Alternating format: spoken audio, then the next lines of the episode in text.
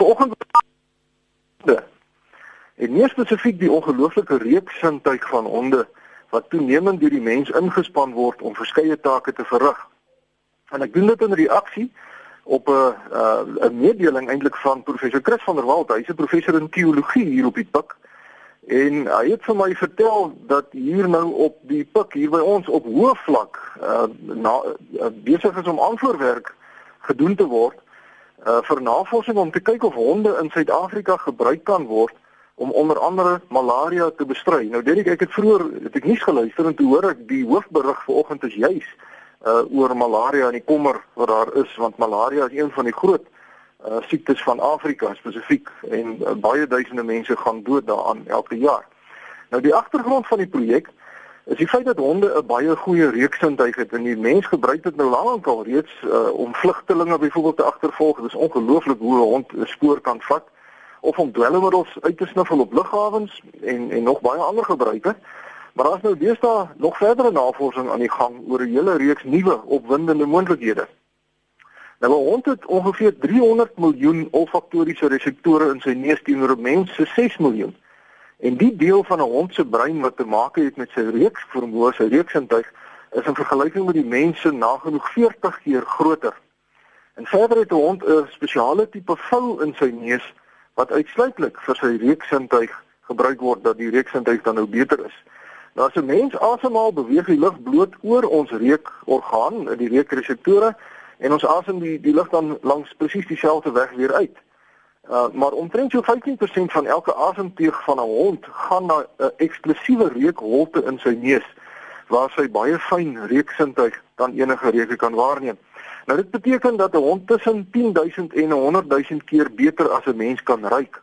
En om dit in perspektief te plaas, as ons nou in die, in die veld loop en daar eh, sê nou maar iets het dood gegaan en ons kan nou dit ruik op 'n afstand van 30 meter, dan sal 'n hond daardie selfde voorwerp oor 'n afstand van 300 km ver kan ruik. Dis verstommend.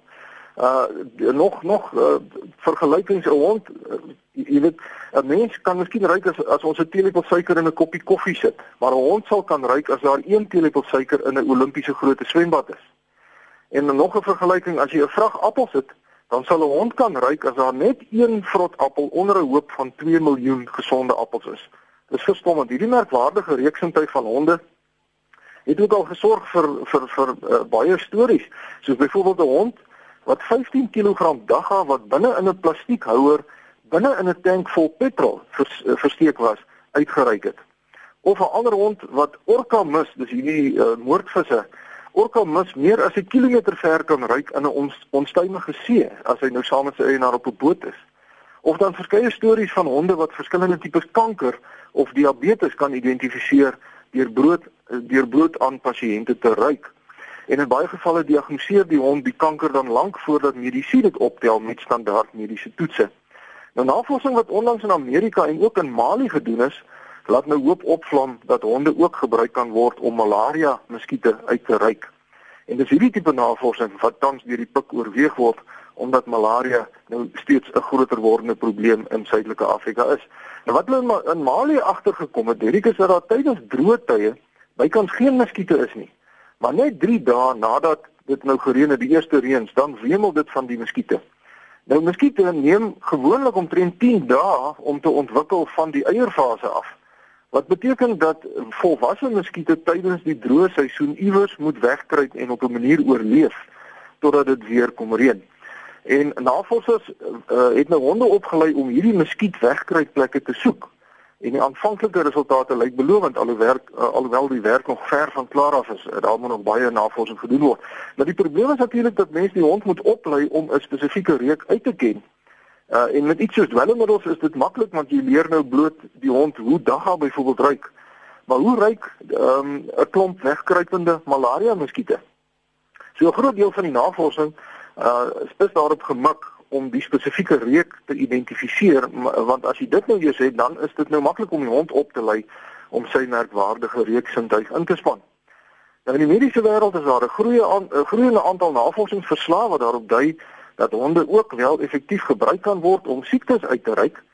Ehm um, maar die volume van ewige eweknie geëvalueerde wetenskaplike navorsing is na regte eintlik nog te klein om werklike geldige afleidings daaroor te maak. Maar dit bly 'n opwindende nuwe ont ontwikkeling oor hoe honde met groot vrug ingespan kan word om die mens tot voordeel te wees en ek hou hierdie ontwikkeling uh met groot belangstelling dop. Uh en dan Derek, ehm um, wil ek graag net gou-gou kortliks gesels oor 'n brief wat ek ontvang het van meneer Henny Horak En dit gaan nou oor die gebruik van terapeutiese magnete in geneeskunde. Nou meneer Horak skryf dat hy vir die afgelope 20 jaar aan ernstige diabetes gely het, soveel so dat hy mettertyd met 'n gemotoriseerde rolstoel oor die weg moes kom. Maar hy vertel dat hy onlangs as gevolg van 'n groeisel in sy keel kort kort 'n slukkie water uit 'n bottel moes neem en 'n vriendin het hom toe aangeraai om die bottel met sy drinkwater telkens bo-op 'n magneet se suidpool neer te sit en hy het toe 'n groot magneet se suidpool bepaal en van April 2015 drink hy slegs water wat bo op hierdie magneet neergesit word. Hy sê 3 weke nadat hy met die magneetterapie begin het, was die groeisel in sy keel weg. Al die sweere was besig om te herstel en geen verbande was meer nodig nie en sy bloedsuiker het dramaties geval sodat hy sedertdien baie laer dosisse medikasie nodig het. Hy sê sy sooibrand is weg en 'n snags slaap hy lekker sonder om regop te moet sit Hy sê hy is 72 jaar oud, maar hy voel nou weer soos toe hy 27 jaar oud was.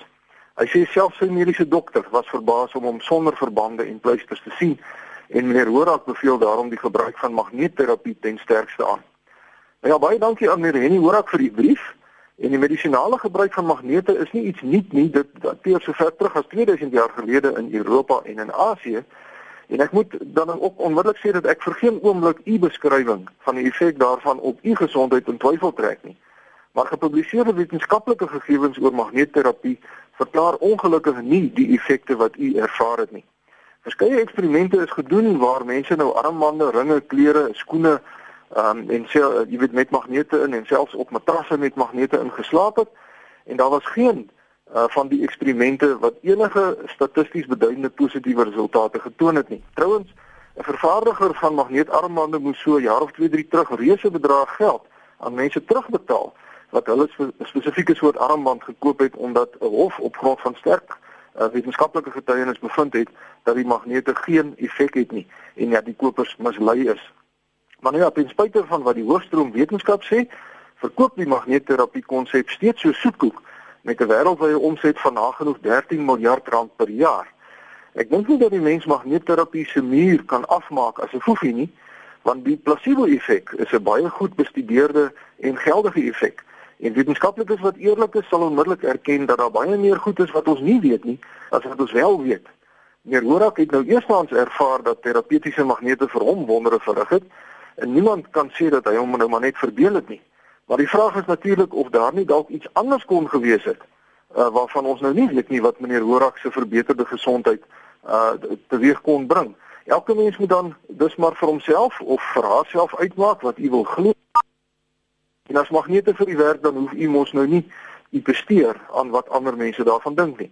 En dit daarmee sluit ek af vir oggend. Skryf gerus vir my by kobus.vanderwalt by nwu.ac.za of kyk op Facebook na omgewingspraatjies se blad. Vriendelike groete tot 'n volgende keer. Ons is die beste, so Kobus ons moet maar noord kyk, né, en voortgaan. Dit is dus jy die suidpool van die magneet lyk my wat werk. So mense moet nou nie altyd noord kyk.